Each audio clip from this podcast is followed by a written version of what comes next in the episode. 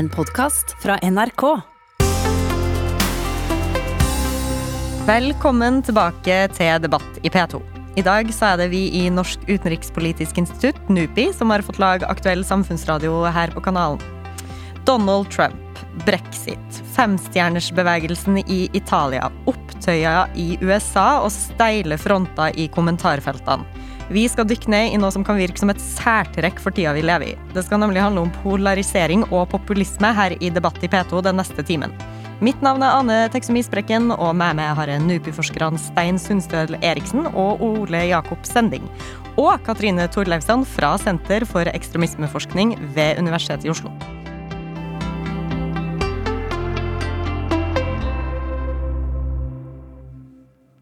It's going to be only America first. I think the political press is among the most dishonest people that I've ever met. you are the enemy of the people. Why are we having all these people from shithole countries come here? We're going to build a wall. It's going to be built. We reject the ideology of globalism. It is time to drain the swamp in Washington, D.C. The political class in Washington gutted your factories with horrendous trade deals. Horrible. You know you're a fake. You know that. Your whole network, the way you cover it, is fake. because they are the fake, fake, disgusting news. Ja, det var vel liten tvil om hvem vi hørte der. The Swamp in Washington og Fake Disgusting News. Avtroppende president i USA, Donald Trump, er blitt utpekt som en populist veldig mange ganger. Stein, du har jo jobba mye med populisme. Hva er det som gjør Trump til en populist? Det fremste kjennetegnet ved en populist og med en populistisk retorikk, det er elitekritikk. Og Trump går jo her til frontalangrep på den politiske eliten, medieeliten, og de som han definerer som de korrupte makthaverne. Og det er det mest typiske kjennetegnet ved populister. Men eh, hva er populisme egentlig?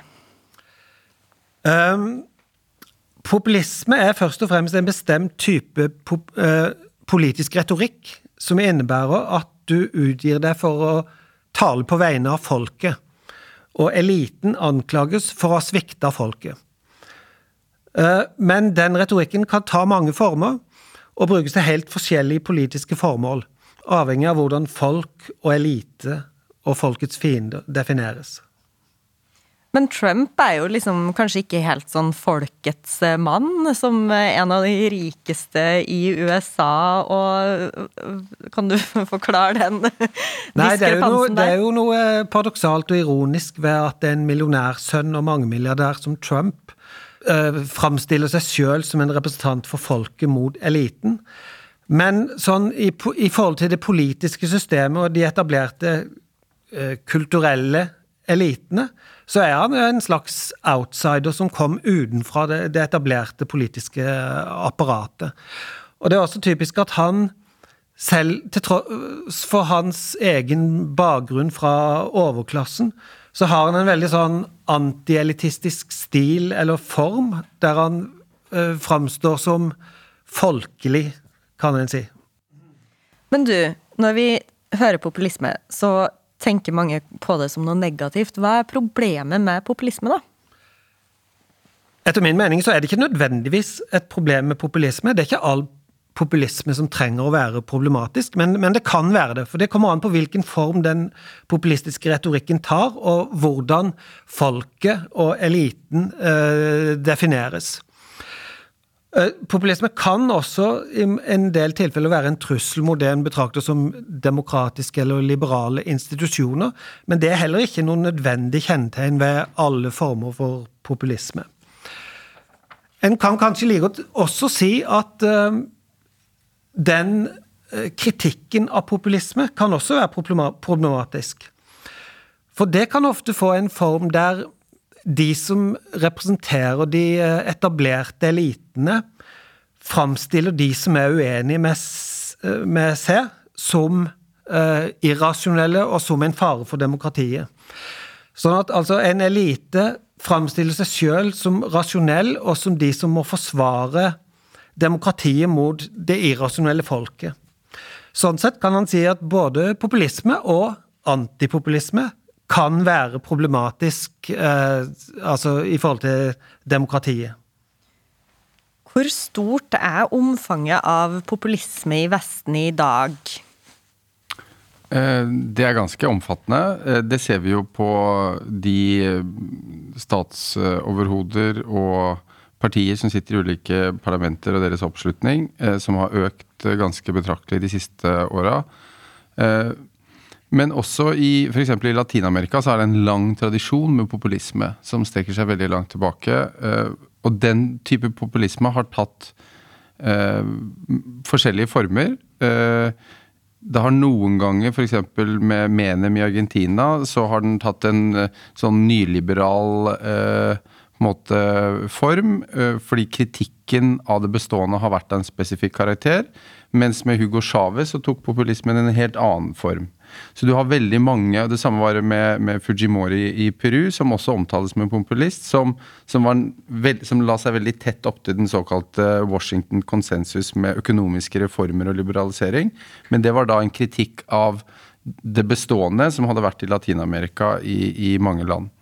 Den type populisme jeg tror vi ser i, i Europa og USA i dag, den er nok også preget av at vi har en helt annen type offentlig debatt, hvor sosiale medier, som vi sikkert kommer tilbake til, spiller en så markant uh, rolle. Fordi populisme som sådan er en mer enn 100 år lang tradisjon. Uh, også tilbake til uh, folkelige bevegelser i Russland på slutten av 1800-tallet, på en måte, som ble omtalt som populisme.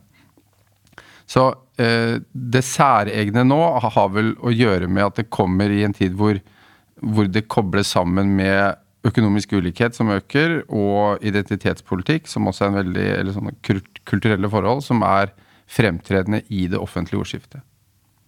Katrine, du forsker jo bl.a. på ytre høyre og nasjonalisme. Hvorfor tenker vi som regel på høyresida i politikken når vi hører om populisme i dag?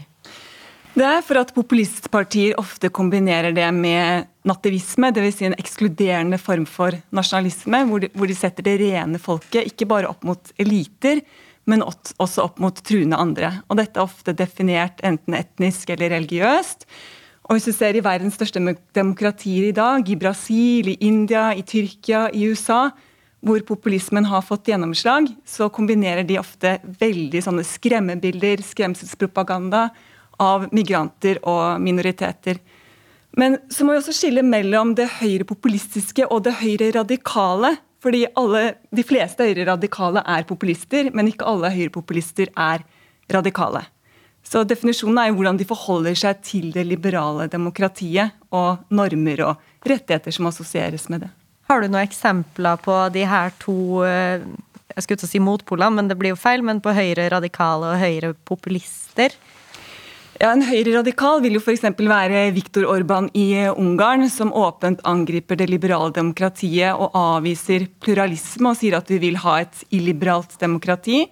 Og så kan du ta f.eks. norske Frp, Fremskrittspartiet, som er et eh, selvdefinert liberalt, eh, liberalt parti, men også er et høyrepopulistisk parti.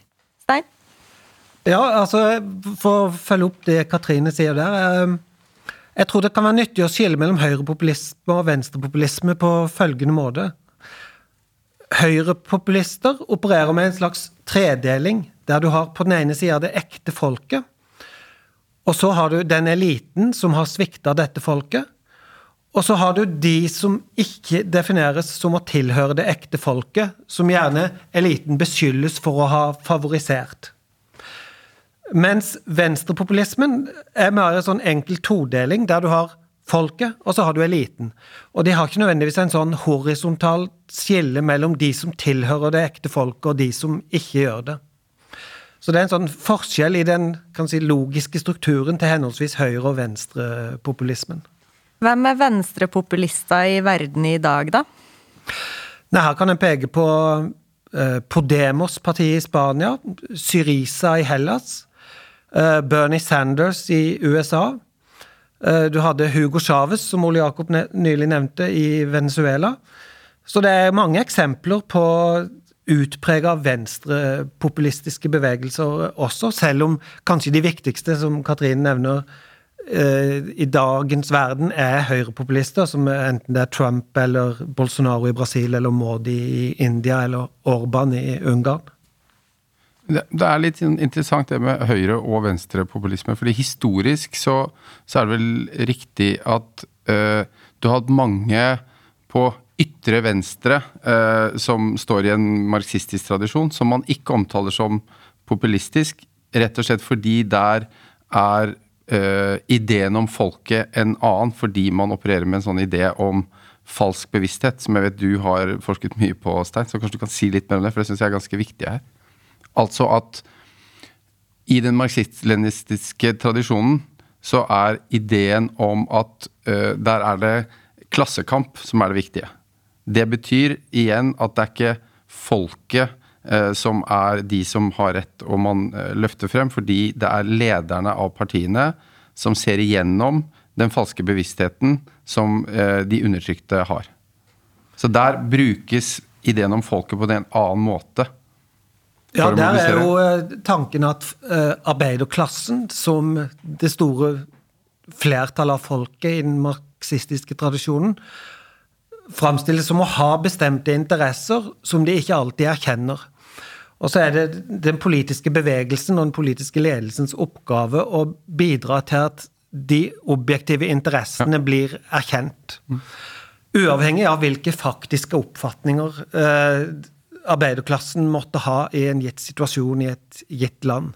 Det høres jo nokså arrogant ut, da, fra, fra ledernivået.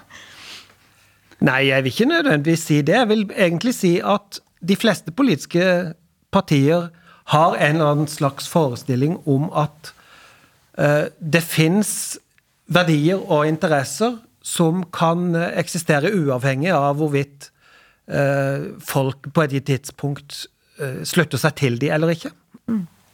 Men over til populismen, eh, eller tilbake til populismen som vi ser i Europa og USA i dag. Eh, Katrine, er det, hva er grunnene, hovedgrunnene til at populistisk tankegods har fått vind i seilene de siste åra? Det er både økonomiske og kulturelle og samfunnsmessige drivere som er, det er forsket masse på nå. Og det viser at det er ikke én bevegegrunn, det er mange drivere. Det ene er jo konsekvensen av tre tiår med økonomisk omstrukturering og konsekvensen av det, altså økt ulikhet. Så er det rask demografisk endring og reaksjon på, på migrasjon.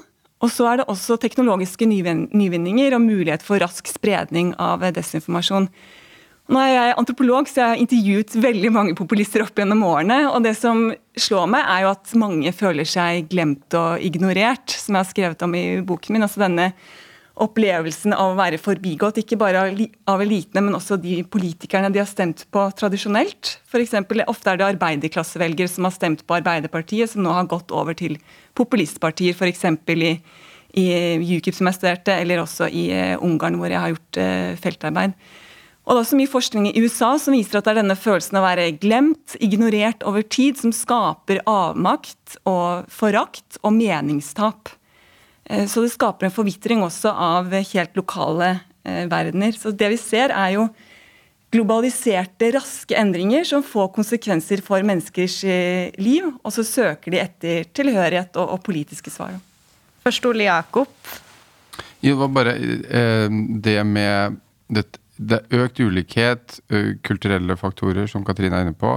Og så er det vel også, når vi snakker om populisme som politisk fenomen, det faktum at politiske partier har blitt mindre viktig for å kanalisere eventuell misnøye og delta i demokratiet. Sånn at den kanalen er blitt mindre viktig. Medlemskap går ned. Eh, og så kommer på en måte nye medieplattformer som et alternativ til det, som helt kaster om på den offentlige debatten som har kjennetegnet eh, politikk i mange tiår. Så eh, jeg er enig i det som ble sagt, men jeg vil gjerne til at jeg tror at en viktig grunn til at du har fått en framvekst av populisme de senere åra, i tillegg til det som har blitt nevnt, er at de etablerte partiene i veldig stor grad har nærma seg hverandre. Spesielt i, uh, synspunkt på økonomisk politikk. der De etablerte sosialdemokratiske partiene, de etablerte liberalkonservative partiene, langt på vei har ført den samme økonomiske politikken, og det har ført til at de som ikke slutter seg til den politikken, ikke hatt noe reelt alternativ innenfor det etablerte partisystemet. Og da er, var den første reaksjonen at de melder seg ut og blir apatiske. Men nå de senere åra, spesielt etter finanskrisa i 2008, så har det ført til en mobilisering i alternative kanaler og alternative partier. Enten det er i form av høyre- eller venstrepopulistiske. Sånn at den nye populismen er på sett og vis et symptom på at demokratiet ikke lenger har vært i stand til å ta opp i seg all, alle, de, alle, interesser og alle de eh, frustrasjonene som har vokst fram i, i befolkningen. Ja, I tillegg har du hatt kriseøyeblikk i Europa som også har vært en perfekt storm for mange av disse aktørene. F.eks. flyktningkrisen i 2015 som ble utnyttet til det fulle av populistpartier som kunne spre skremselspropaganda, presentere seg selv som reddere av et Europa i fare, og ikke minst også, som du nevnte, finanskrisen i 2008 og de langvarige konsekvensene av den. Vi skal snakke mer om det her med spredning om informasjon etter hvert. Vi snakker altså om populisme og polarisering her i Debatt i P2. Og for det som nettopp har skrudd på radioen, så kan jeg fortelle at det er vi i Norsk utenrikspolitisk institutt, NUPI, som har fått lov til å lage radio for dere i dag. Med meg i studio har jeg et ekspertpanel som består av NUPI-forskerne Stein Sundstøl Eriksen og Ole Jakob Sending og Katrine Torleifsson fra Senter for ekstremismeforskning ved UiO. Senere i sendinga skal vi altså annet snakke mer om hvordan sosiale medier utfordrer den offentlige debatten. Men først, hvordan ser populismen ut rundt om i verden og i Norge?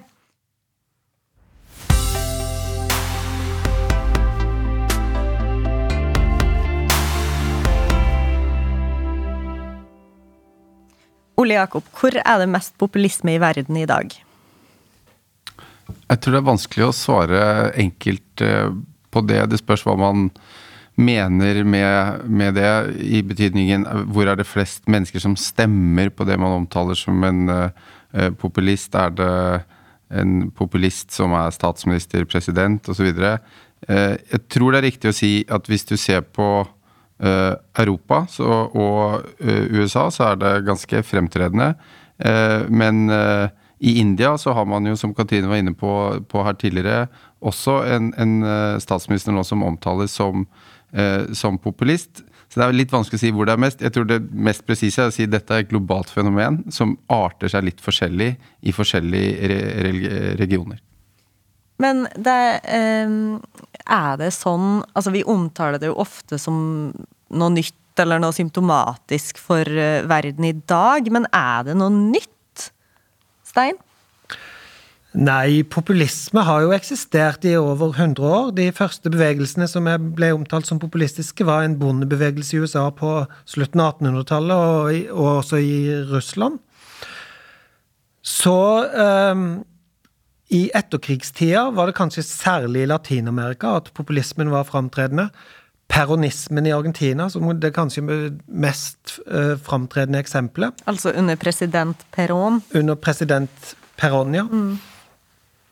Og uh, så har det nå i de senere åra spredd seg til, også til andre deler av verden. I India, for eksempel, så er det ikke bare det Modi og dagens regjering som representerer hindunasjonalismen. Du har, men du har hatt en lang tradisjon med populisme der, helt fra uavhengigheten, egentlig. Det er også en politiker som Indira Gandhi hadde helt klare populistiske trekk. Og ikke minst har det vært mange eh, politiske bevegelser og ledere på delstatsnivå i India som har, vært populistiske helt fra 50-60-tallet. Du nevnte jo hindupopul... Nei, ikke hindupopulisme. Hva var det du nevnte? Hindunasjonalisme. Hindunasjonalisme. Eh, hvor, hva slags plass har religion i populisme? Ja, det varierer veldig. I noen steder, som i India, så har det en viktig plass. Mens uh, i Vesten i dag så har det stort sett ikke vært noen spesielt viktig element. Så det kommer helt an på Altså Hvis populisme, som jeg nevnte i stad, er en form for politisk retorikk som skiller mellom folk og elite, så kan det ta ulike former, og der hvorvidt religion blir en av de elementene som populistene spiller på eller ikke, eh, kan variere. Det er ingenting ved populisme som sådan som tilsier at religion behøver å ha noen rolle i det hele tatt. Katrine? Populister bruker ofte religion for å gjøre populismen tykk, og det vil si at de bruker den for å nå ut til flere velgere. og Det ser vi både i India, Brasil, USA og, og Tyrkia. Og De siste årene ser vi også en trend i Europa hvor populister tar korset rundt halsen, altså fra Salvini, og til og med Le Pens niese, altså i, i, Frankrike, som eh, tradisjonelt sett verdsetter det sekulære, så har religion også blitt brukt eh, retorisk. Og Da kan man snakke om en mer sånn form for identitær kristenisme, som det omtales. Dvs. Si at det handler egentlig bare om tilhørighet framfor tro. Fordi man appellerer til eh, et vi-fellesskap, som da markeres som kristen. Og det er kristent primært fordi man kjemper mot såkalte trusselen fra islam. Og selv om disse partiene er veldig ulike når det gjelder røtter og orientering, så kommer de ofte sammen da i skremmebilder av islam og muslimer. Og det ser vi også i Europa. Så det er jo en eh, trope, kan du si, eller et bilde som er veldig effektivt å mobilisere i sosiale medier, som gjør at du får sånne merkelige allianser mellom hindunasjonalister og Trump-velgere og eh, band på europaturné. Mm.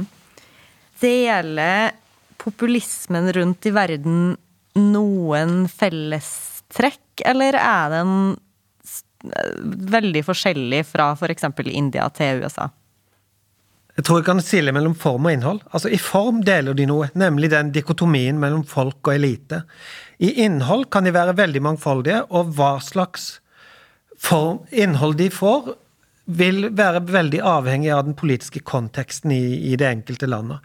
Hvorvidt de tar en religiøs form, en høyreorientert form, en venstreorientert form, en fokus på, på um, etnisitet, nasjon, etnisitet det, Alt det varierer mellom ulike populistiske bevegelser i ulike deler av verden. Katrine?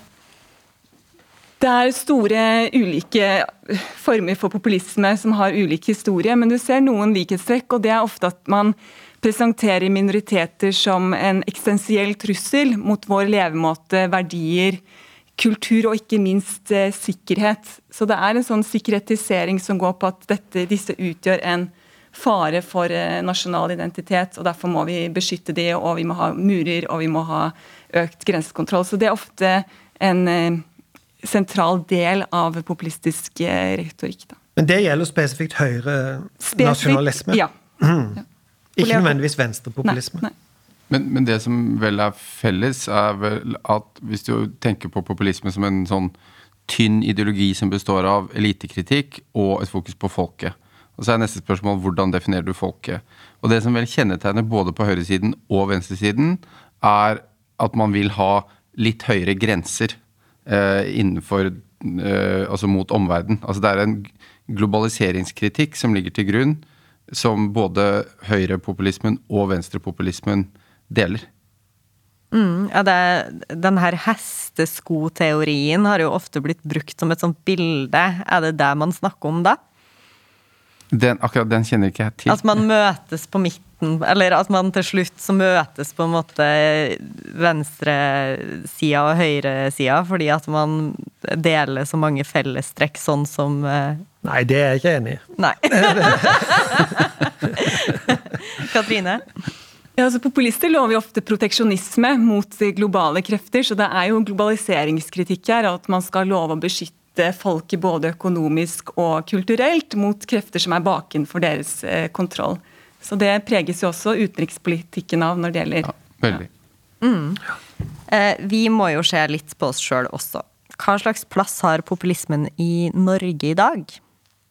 Ja, det har jo ikke fått noen sånne store, radikale populistiske bevegelser i Norge, men jeg vil si at i Norge kan en peke på både høyrepopulisme, venstrepopulisme og en slags sentrumspopulisme som uh, fins i dag. Høyrepopulisme er jo selvfølgelig Fremskrittspartiet, med sitt fokus på uh, motstand mot innvandring uh, spesielt. Venstrepopulisme finnes det klare elementer av f.eks. i partiet Rødt og i avisa Klassekampen. Jeg så at Rødt-politikeren Mimir Kristiansson nylig sa at han hadde som mål å bli kalt populist hver dag fram til valget neste år. Og så har en eh, Senterpartiet har jo også klare elementer av populistisk retorikk, som en type sånn sentrumspopulisme, der hovedmotsetningen som konstrueres, er mellom eh, sentrum og periferi.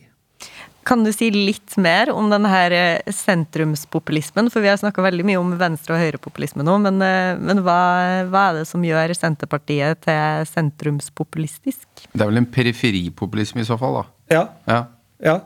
Si litt mer om det, for oss vanlige dødelige. Ja, altså at I Norge så er jo en skillelinje i norsk politikk er eh, på en måte høyre-venstre. Eh, stor, liten stat, alt det der. Eh, en annen skillelinje er mellom by og land. Sentrum og periferi. Og den, den har jo Senterpartiet mobilisert vanvittig de siste årene. Så det er veldig Det er det, det mest fremtredende Eh, kjennetegn nå ved norsk politikk. Det som har endret seg mest de siste årene, er nettopp eh, Senterpartiets eh, vekst. Men, Stein? Men det, Senterpartiet har jo alltid vært der og kjempa for distriktenes interesser. Men de har fått en mer populistisk form de senere åra, når de veldig tydelig snakker om vanlige folk rundt om i landet og vanlige innbyggere i distriktene. Som blir en slags motsett... Som utgjør det folket som skal, eh, eh, om ikke beskyttes, som en, et folk som ikke har fått sine interesser eh, ivaretatt av eh, den sentrale staten og av de andre partiene.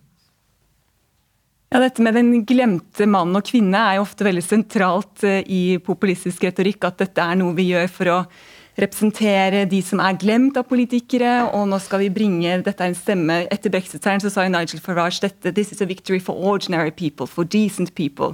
Og ikke minst eh, i USA, hvor Trump sa at dette er en seier for de glemte kvinner og menn. Mm. Men eh, på NUPI driver vi jo med utenrikspolitikk, så vi må bare snakke litt mer om utenrikspolitikk, som du kom litt inn på, Katrine. Hva er det som er skummelt da, med, med populistisk utenrikspolitikk? Ja, Det er hvis du fokuserer for mye kun på innenrikspolitikk, og at du ignorerer det utenrikspolitiske. Eller som du ser noen illiberale populister gjør, at de åpent forakter det liberale demokratiet. F.eks.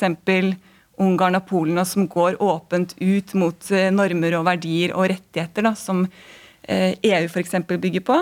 Og herunder beskyttelse av minoriteter og, og menneskerettigheter. Så det er jo veldig problematisk når det gjelder overnasjonalt samarbeid, at du har medlemsland hvor du har populister som har oppnådd makt, og som da viser forakt for eh, demokratiske og internasjonale spilleregler. Vi skal bevege oss litt videre, men ikke så langt her i Debatt i P2. For det andre P-ordet som er symptomatisk for veien vi lever i, er jo polarisering. Og de her tingene, polarisering og populisme, henger jo litt sammen. Spesielt USA har jo fått mye oppmerksomhet for dype verdimessige splittelser i befolkninga. I tillegg skal vi senere i sendinga se på betydninga sosiale medier har for polarisering. Men nå skal vi dykke litt ned i hvorfor polarisering er problematisk.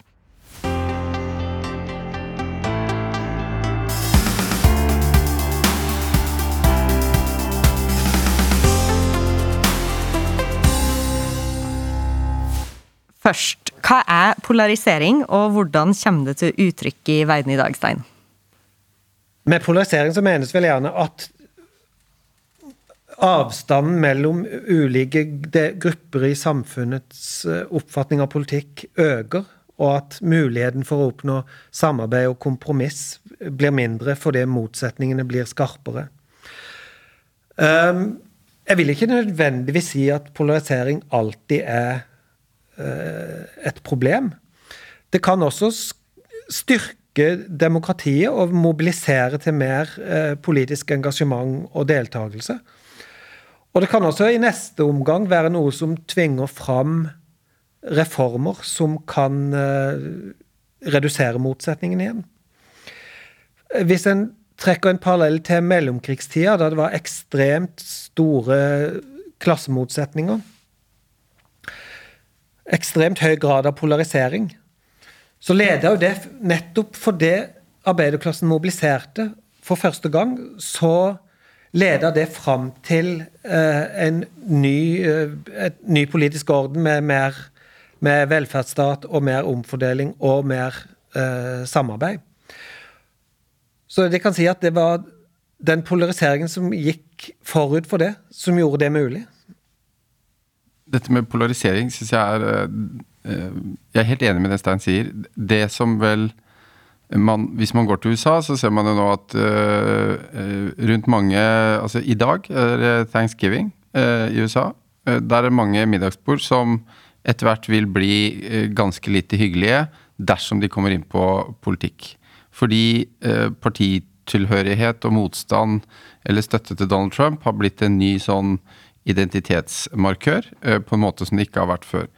Problemet med det, det er bare som en sånn illustrasjon på det generelle, tror jeg, det er at det som vel kan sies å kjennetegne polarisering, og som er det problematiske, er at du går fra å tenke på politikk som det er motstridende interesser, og så forhandler du, og så kommer du til en eller annen enighet innenfor visse spilleregler. Når du får sterk polarisering, så blir eh, frontene så steile, og det blir et sånn verdimessig fellesskap og identitet knytta til den gruppen du selv opplever å tilhøre, og konkurrenten i politiske forhandlinger eller den andre gruppen blir definert som den andre, som vi aller helst ikke skal ha noe som helst å gjøre med. Det har ført til i USA eh, at eh, du også får en situasjon der spillereglene som gjør at demokratiske forhandlinger, politiske forhandlinger, er trygge, de ødelegger ikke institusjonene. Det har begynt å ødelegge institusjonene i USA under Trump. En sånn systematisk underminering å bruke, misbruke reglene som definerer disse institusjonene, til sin egen fordel. Eh, der er vi ikke i Norge. Eh, der tror jeg heller ikke vi er i mange andre europeiske land hvor du ser eh, klare tegn til begynnende polarisering. Men det er det farlige her, at frontene blir så steile, identiteten knyttet til din side blir så sterk, at det blir vanskeligere og vanskeligere å finne kompromiss politisk. Ja, altså Den eh, emosjonelle intensiteten da, i disse ytterpunktene blir så sterke at det er vanskelig å møtes over middagsbordet. Mm. Og Det er jo et demokratisk problem, fordi det som kjennetegner et demokrati, er jo din evne til å møte meningsmotstandere innenfor demokratiets eh, ramme. Og, og respektere også forskjeller og meningsmangfold. På den annen side, hva er det som er hovedproblemet? Er det at det har skjedd en polarisering, eller er det det som har skapt den polariseringen. Altså Hvis ulikheten øker dramatisk, og de som har tapt på det, mobiliserer og, og ikke aksepterer det lenger, så kan en jo heller si at det er den politikken som har skapt ulikheten, som er problemet, og ikke den polariseringen som følger som en konsekvens av den. Ja, Det er jo de strukturelle endringene. Du har økonomien i bunn, og så har du da også entreprenører, politiske entreprenører på toppen, som bruker sosiale medier som store polariseringsmaskiner. ikke sant? Og oversetter helt reelle økonomiske utfordringer, problemer, frykt på bakken. Og oversetter det inn til, eh, til sånne skremmebilder. Sånn at det er eh, både driverne på bunn, og så er det hvordan man kan oversette de til, til eh, propaganda. Hvis vi skal være litt stereotyp, da, siden du tok opp det her med middagsbordet i USA, eh, Ole Jakob. Eh, hvordan ser typisk to polariserte amerikanere ut? Hvor bor de? Hva slags meninger har de? Hvem er de? En uh, høyt utdannet uh, mann eller kvinne som bor i Oregon eller i California på vestkysten, eller i New York eller i Eh, Boston på østkysten eh, vil identifisere overveldende stemme eh, demokratisk. Og så reiser du litt innover i landet, og så kommer du til Wyoming, hvor det er mer ruralt, lavere utdanningsnivå og en ganske annen virkelighet. Og for oss i Norge så er det jo vanskelig å forstå hvordan USA er skrudd sammen fordi det er altså så store forskjeller på den verden de lever i, de ulike delstatene. Altså det å vokse opp i New York kontra å vokse opp i en, en, av sørstatene eller i Idaho eller Wyoming, er altså så utrolig forskjellig. Mange amerikanere reiser ikke spesielt mye heller. Så det er, det er noe ganske annet. Så det er også en faktor her. Særlig når vi, når vi snakker om USA. Stein? Bare føyd til her at altså i USA er motsetningen i ekstremt grad mellom sentrum og periferi. Altså geografisk. At eh, sentrum er blitt demokrater, periferiene er republikanere. Men det ironiske med USA er jo at selv om du har en sånn ekstrem polarisering på ett nivå, så har du likevel to partier som langt på vei har stått for den samme politikken. Så det, det finnes veldig liten bredde i de politiske alternativene som amerikanske velgere har. Du har uh, Litt som uh, han Thomas Piketty har sagt om både USA og uh, Frankrike, at det, du har på en måte en konkurranse mellom fløyer av liberalismen. Altså fløy, Du har på den ene sida det han kaller the merchant right, som er den tradisjonelle høyresida. Og så har du fått det han kaller the Brahmin left, som er, eh, ofte består av de med høy utdanning. For en kunne snakke om de med høy kulturell kapital versus de med høy økonomisk kapital. Men de har stått for den samme økonomiske politikken. Og det er enda mer påfallende i USA, der, der partiene egentlig står for det samme når det gjelder fordeling og økonomi, men, og der uenigheten går mer på sånn kulturelle spørsmål knytta til abort eller innvandring eller uh, homofile ekteskap. Vi har jo snakka om ulikhet litt, og når man tenker ulikhet, så tenker man ofte fattig og rik, ikke sant? Og dere var inn på det her med by versus land som en eh, motpol, og religion er vel også en del der. Men eh, hva med kunnskap? Hva med utdanning versus ikke-utdanning? Ja, det er jo en stor eh, En ganske stor faktor her. Og det er nå Det har kommet en bok av en som heter Daniel Markowitz, som omtaler det han kaller the meritocracy trap. Hvor Eh, I liberale demokratier så har ideen vært at, og også utover det, at meritokratiet er bra. Altså at hvis du gjør en innsats og er flink, så skal du belønnes deretter. Og at uh, stillinger og lønn skal komme fra da innsats, uh, talent osv., og, så videre, og ikke fra hvem som er moren og faren din, og om du har arvet penger eller ikke. Så det er en fin idé. Men så beskriver han da altså en utvikling i USA hvor de som Eh, tjener mest, de jobber mer. Før var det sånn at de som tjente minst, de jobbet, eh, de jobbet mest. Nå er det eh, motsatt. De bruker veldig mye av sine ressurser også på å få barna sine gjennom de beste skolene. Og når de har gått gjennom de beste skolene og skal søke på universiteter, så får de profesjonell coaching for å komme inn på de beste universitetene. Eh, sånn at den reproduksjonen av ulikhet gjennom et system som er meritokratisk, er helt slående. Og det gjelder faktisk, paradoksalt nok, også i Norge, hvor kostnadene til utdanning er veldig lave sammenligna med land som, som, USA og England osv. Mm.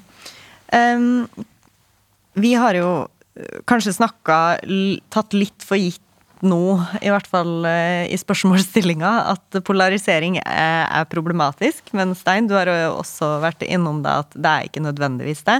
Men eh, hvis jeg skal be en av dere oppsummere, da, hva, hva er det mest problematiske med polarisering? Katrine? Ja, Det er når da intensiteten øker på ytterkantene, og øker så mye at du forskåner deg, forskåner deg fra andre menneskers meninger og trekker deg inn i et eh, ekkokammer og ikke blir utsatt for mangfold. Og det ser vi jo nå med et uh, ny medievirkelighet, hvor du selektivt kan bare konsumere nyheter som bekrefter ditt nåværende ståsted. Og også ser man det på bosetningsmønster apropos by og land. Det er mange som ikke bor i så veldig mangfoldige lokalsamfunn. Og som frykter både endring og også frykter nedadgående sosial mobilitet. Så jeg tror Når det gjelder eh, polarisering, så er det det at hvis du ender opp i skyttergraver og ikke klarer å bygge gode lokalsamfunn, og ikke klarer å få mening og framtid basert på trygge lokalsamfunn, så er det en foruroligende utvikling. Stein? Jeg er enig i det. Bare for til at det, det er jo et paradoks der at uh, byene er mye mer sosialt segregert enn landsbygda og småstedene. I uh, Oslo er det jo bor så å si alle innvandrerne på østkanten, mens de som vokser opp på vestkanten, knapt har uh, mødre enn innvandrere. Så, og, det, og det samme gjelder klasse, økonomisk bakgrunn. At de med mye penger og høy utdanning er klumpa sammen i visse geografiske områder, mens de uten er samla i andre områder. Jeg tror Et hovedproblem politisk med uh, polarisering det er at for å løse store samfunnsproblemer, inkludert ulikhet, uh, så er det er det, det, er ganske komplisert. Mens når du får polarisering, så får du enkle løsninger presentert på begge sider av uh, eller in, nede i hver skyttergrav. Eh, og hvis ikke viljen til kompromiss er der, eh, hvor den andre istedenfor å være en konkurrent, mulig samarbeidspartner, er fienden, så klarer du ikke å komme frem til eh, løsninger som kan vare lenger enn én periode i et eh, parlament. Og da får du ikke noe stabilitet, og da får du ikke håndtert de problemene som må håndteres. I debatt i P2 i dag så snakker vi altså om populisme og polarisering med NUPI-forskerne Ole Jakob Sending og Stein Sundstøl Eriksen og Katrine Torleifsson, som forsker på ekstremisme ved Universitetet i Oslo. Til det som vanligvis hører på ekko her på kanalen på dette tidspunktet, så kan jeg fortelle at i dag er vi i NUPI, Norsk utenrikspolitisk institutt, som har fått lage radio for dere i dag. Nå skal vi videre. For hvor stor rolle spiller egentlig sosiale medier for polariseringa som brer om seg i samfunnet i dag?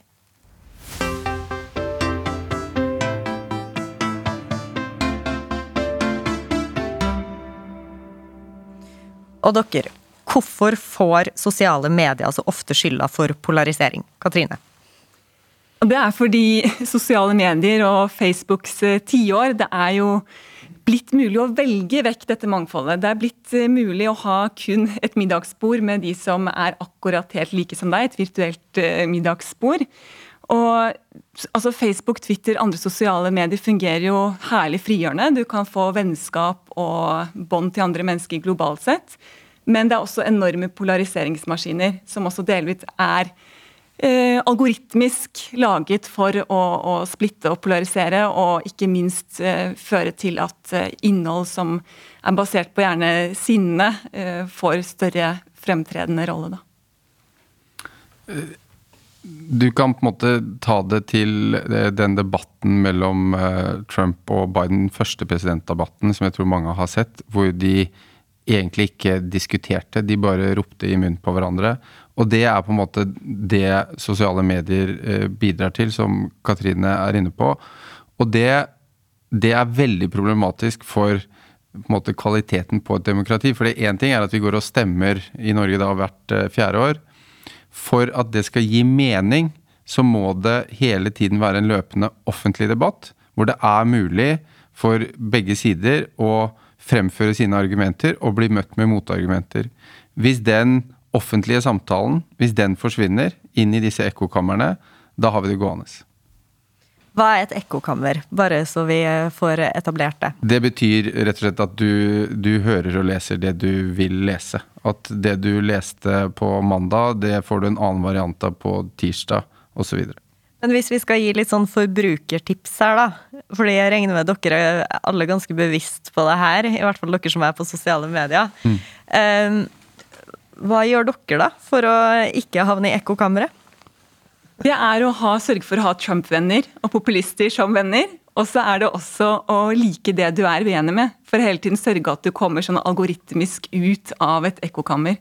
Og selvfølgelig også eh, som forsker være nysgjerrig og åpen. altså Både som forsker, men også som borger. At du hele tiden må jobbe aktivt for å være nysgjerrig på andre menneskers eh, meninger og, og standpunkt. Stein? Jeg er enig i det Katrine sier, men min egen personlige strategi er jo rett og slett holde meg unna alle sosiale medier. Så jeg, jeg har ingen Twitter, ingen Facebook, ingen Instagram eller noe som helst. Kanskje lurt? Ole Jakob, hva sier du? Jeg, eh, f.eks. nå eh, under eh, valgkampen og valget i USA, så så jeg mer på Fox News enn jeg så på CNN. Mm. Det ble kjedelig å se på CNN, for jeg, jeg vet hva som kommer. Det er mye mer interessant å følge Fox News, for da får du mye mer innblikk i i det jeg ellers ikke ville fått når jeg leser f.eks. norske aviser. Men for dem som på en måte ikke i gåseng tar det ansvaret selv, da. Eh, kan man se for seg en mer overordna løsning på det her ekkokammerproblemet, hvor f.eks. sosiale medier blir mer regulert? Det har jo vært diskutert eh, både på EU-nivå og i USA om man skal begynne å eh, regulere Facebook og sosiale medier mye, mye hardere. For de er, så vidt jeg har forstått det, unntatt en sånn klausul, i hvert fall i, USA, um, som har noe med hva det redaktørmessige ansvaret som ligger uh, hos dem, som, uh, som de har begynt å se på. Og det, det tror jeg nok kanskje kommer til å komme, fordi man ser jo nå hvor liten kontroll man har, og hvor stort dette er. At folk får sin informasjon og kommunikasjon skjer på de plattformene. Og da vil det overraske meg hvis eh, eh, stater eller EU bare lar det skure og gå og ikke gjør, foretar seg noe som helst. Vi ser allerede nå at det går i retning av mer regulering av internett. Nå har jo Facebook selv det siste året kriminalisert hvit overmaktnasjonalisme, holocaustfornektelse, og listen går videre og videre. Mm. Og aktivt griper inn for at ikke deres plattformer skal bli utnyttet i spredning av propaganda som igjen kan ha voldelige konsekvenser. Men da kommer vi inn på selvfølgelig på debatten om ytringsfrihet og grensene for dem, og, og om det skal være opp til teknologiselskapene selv, eller om det er også da eh, overnasjonale myndigheter som må legge retningslinjer. Altså jeg tenker at Det siste er absolutt nødvendig. altså Både nasjonale og overnasjonale myndigheter er nødt til å gripe inn for å regulere det. For det er ingen grunn til å tro at, at en ved å overlate dette til selskapene vil kunne uh, forhindre uh, altså polarisering og ekkokamre. Mm. Men uh, Stein, du vil kanskje si ja, da, men, men, men var alt bedre før? Da man så på NRK, leste lest den daglige avisa man har abonnert på?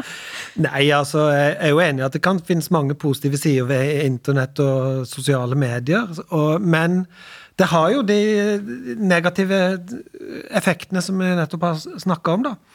Og demokratiet forutsetter at det finnes noen felles arenaer der ulike uh, oppfatninger og interesser kan komme til uttrykk.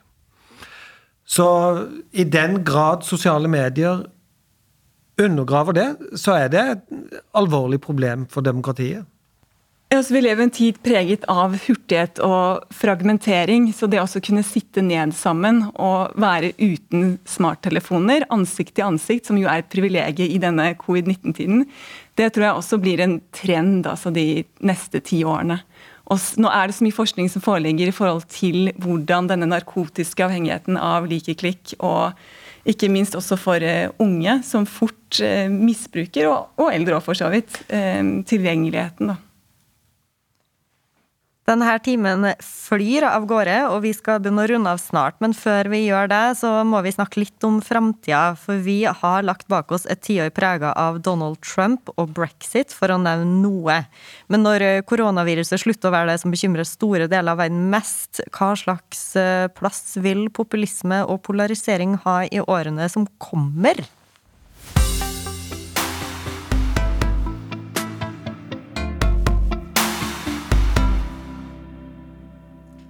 Dere skal få et eh, drøyt minutt hver til å spå litt i framtida. Eh, hvordan vil populisme og polarisering prege verden i 2030? Jeg tror eh, det vil endre seg. Jeg tror populisme kommer til å være der, men jeg tror også at strategiene og taktikkene til ulike populistiske partier vil endre seg når de kommer i posisjon, får erfaring med å styre politisk, og hvor velgerne ser hvor det bærer. Men det vil alltid være grobunn for eh, populisme, særlig sånn som det har utviklet seg de siste årene, hvor det er mer og mer mistillit til, eh, til staten og til myndighetene. Og det er nok dypest sett et uttrykk for at nasjonalstaten kan, eller statlige myndigheter, de kan fatte vedtak og etablere ny politikk på alt mulig rart, men ofte så ser man at det har veldig liten effekt, fordi så mye av de tingene som påvirker hver enkelt borger, eh, ligger utenfor statens kontroll, altså i det internasjonale, det globale. Det går på handel, det går på avtaleverk eh, osv. osv. Så jeg tror den populismen vi kommer til å se fremover, kommer til å handle eh, i økende grad om å forsøke å gi staten bedre betingelser for å kontrollere det som skjer eh, innenfor eh, grensene. Du ser allerede det samme nå med økende tendenser mot proteksjonisme, eh, stramme til på innvandring osv. Um, og så er jeg veldig usikker på hvorvidt dette kommer til å få noen konsekvenser for internasjonalt samarbeid. Så langt så har man sett at uh, de ulike populistene de har det har påvirket utenrikspolitikken til en viss grad, men ikke fundamentalt. Du ser en visse uttrykk. Erdogan som kjøper uh, missiler fra Russland, Salvini som drar til Moskva, blir med på Belt and Road-initiativet fra Kina osv. Men grunnleggende sett så har det slått ut lite på utenrikspolitikken. Uh, det som nok kreves, er en eller annen form for eh, internasjonalt samarbeid som setter statene bedre i stand til å håndtere de nasjonale, lokale problemene som eh, de står overfor. Katrine? Ja, altså Populistpartier er blitt en del av det etablerte politiske landskapet, så jeg tror de også er her om, om ti år. Men om de har økt sin oppslutning, det kommer an på om konvensjonelle partier klarer å gjenvinne den tilliten som de har eh, mistet. Og da må de jo både lytte til de som føler seg, eller er, glemt og marginalisert av eh, globaliserte endringer og kriser. Og så må de også globalisere bedre. Det er en kjempeutfordring. altså Hvordan redusere ulikhet. Hvordan også eh, gi mening til de som føler seg glemt. Og så samtidig skal man da utfordre denne raske spredningen av desinformasjon og konspirasjonsteorier. Og så tror jeg det kommer an på også ikke bare stater og overnasjonale aktørers eh, rolle her, men også hvordan borgere som virkelig bryr seg om liberalt demokrati og ikke tar det for gitt, står opp for visse verdier, da, både i, i eh, handling. Og, og, en av de verdiene er jo også evnen til å lytte, og også da til populister. Stein? Nei, jeg har ingen tro på at populismen kommer til å forsvinne med det første. Og en viktig grunn til det er noe av det Ole Jakob var inne på om statenes handlingslammelse, eller mangel på handlingsrom. Og den de, mangelen på handlingsrom, som er i stor grad en effekt av globaliseringen, gjør det vanskelig for statene å tilpasse seg og innfri de krava som populistene stiller, og dermed tilfredsstille den misnøyen som uh, ligger til grunn for at populismen har vokst fram i utgangspunktet. Og hvis ikke demokratiske stater er i stand til å innfri sånne krav og forventninger, så er det ingen grunn til å tro at det ikke fortsatt vil eh, være grunnlag for mobilisering på populistisk grunnlag. Om det, hvilken form det tar, da om det blir eh, høyrepopulisme, venstrepopulisme, proteksjonisme, krav om deglobalisering, det er et åpent spørsmål. Hva med her hjemme, da? Tror dere vi kommer til å se et mer polarisert samfunn eh, om ti år enn hva vi gjør allerede? Ja. kan du utdype det, Ole Jakob? Nei, tendensene er, altså Hvis vi tror at eh, de tendensene vi ser i andre land også kommer, kommer, hit, så tror jeg det. Jeg tror ikke det går eh, dit enn det har gått i en del eh, andre land. Ikke så ekstremt. Og det er fordi fortsatt i Norge så er det veldig høy grad av tillit mellom eh, mennesker, mellom grupper, og også tillit til staten. Eh, at man stoler på at staten vil deg vel. Ehm, eh, den er der, men, men de tendensene man har sett de siste årene, peker i retning av eh, litt tøffere klima i politisk ordskifte og, og mer polarisering. Om vi får en ny Trump, flere exits og flere populistiske folkebevegelser i årene som kommer, det vil tida vise. Tusen takk til gjestene som har vært med oss gjennom denne timen. NUPI-forskere Ole Jakob Sending og Stein Sundstøl Eriksen og Katrine Torlausson, forsker på Senter for ekstremismeforskning ved Universitetet i Oslo. Mitt navn er Ane Teksum Isbrekken, og det er vi i Norsk utenrikspolitisk institutt, NUPI, som har stått for innholdet i denne sendinga. Takk for følget.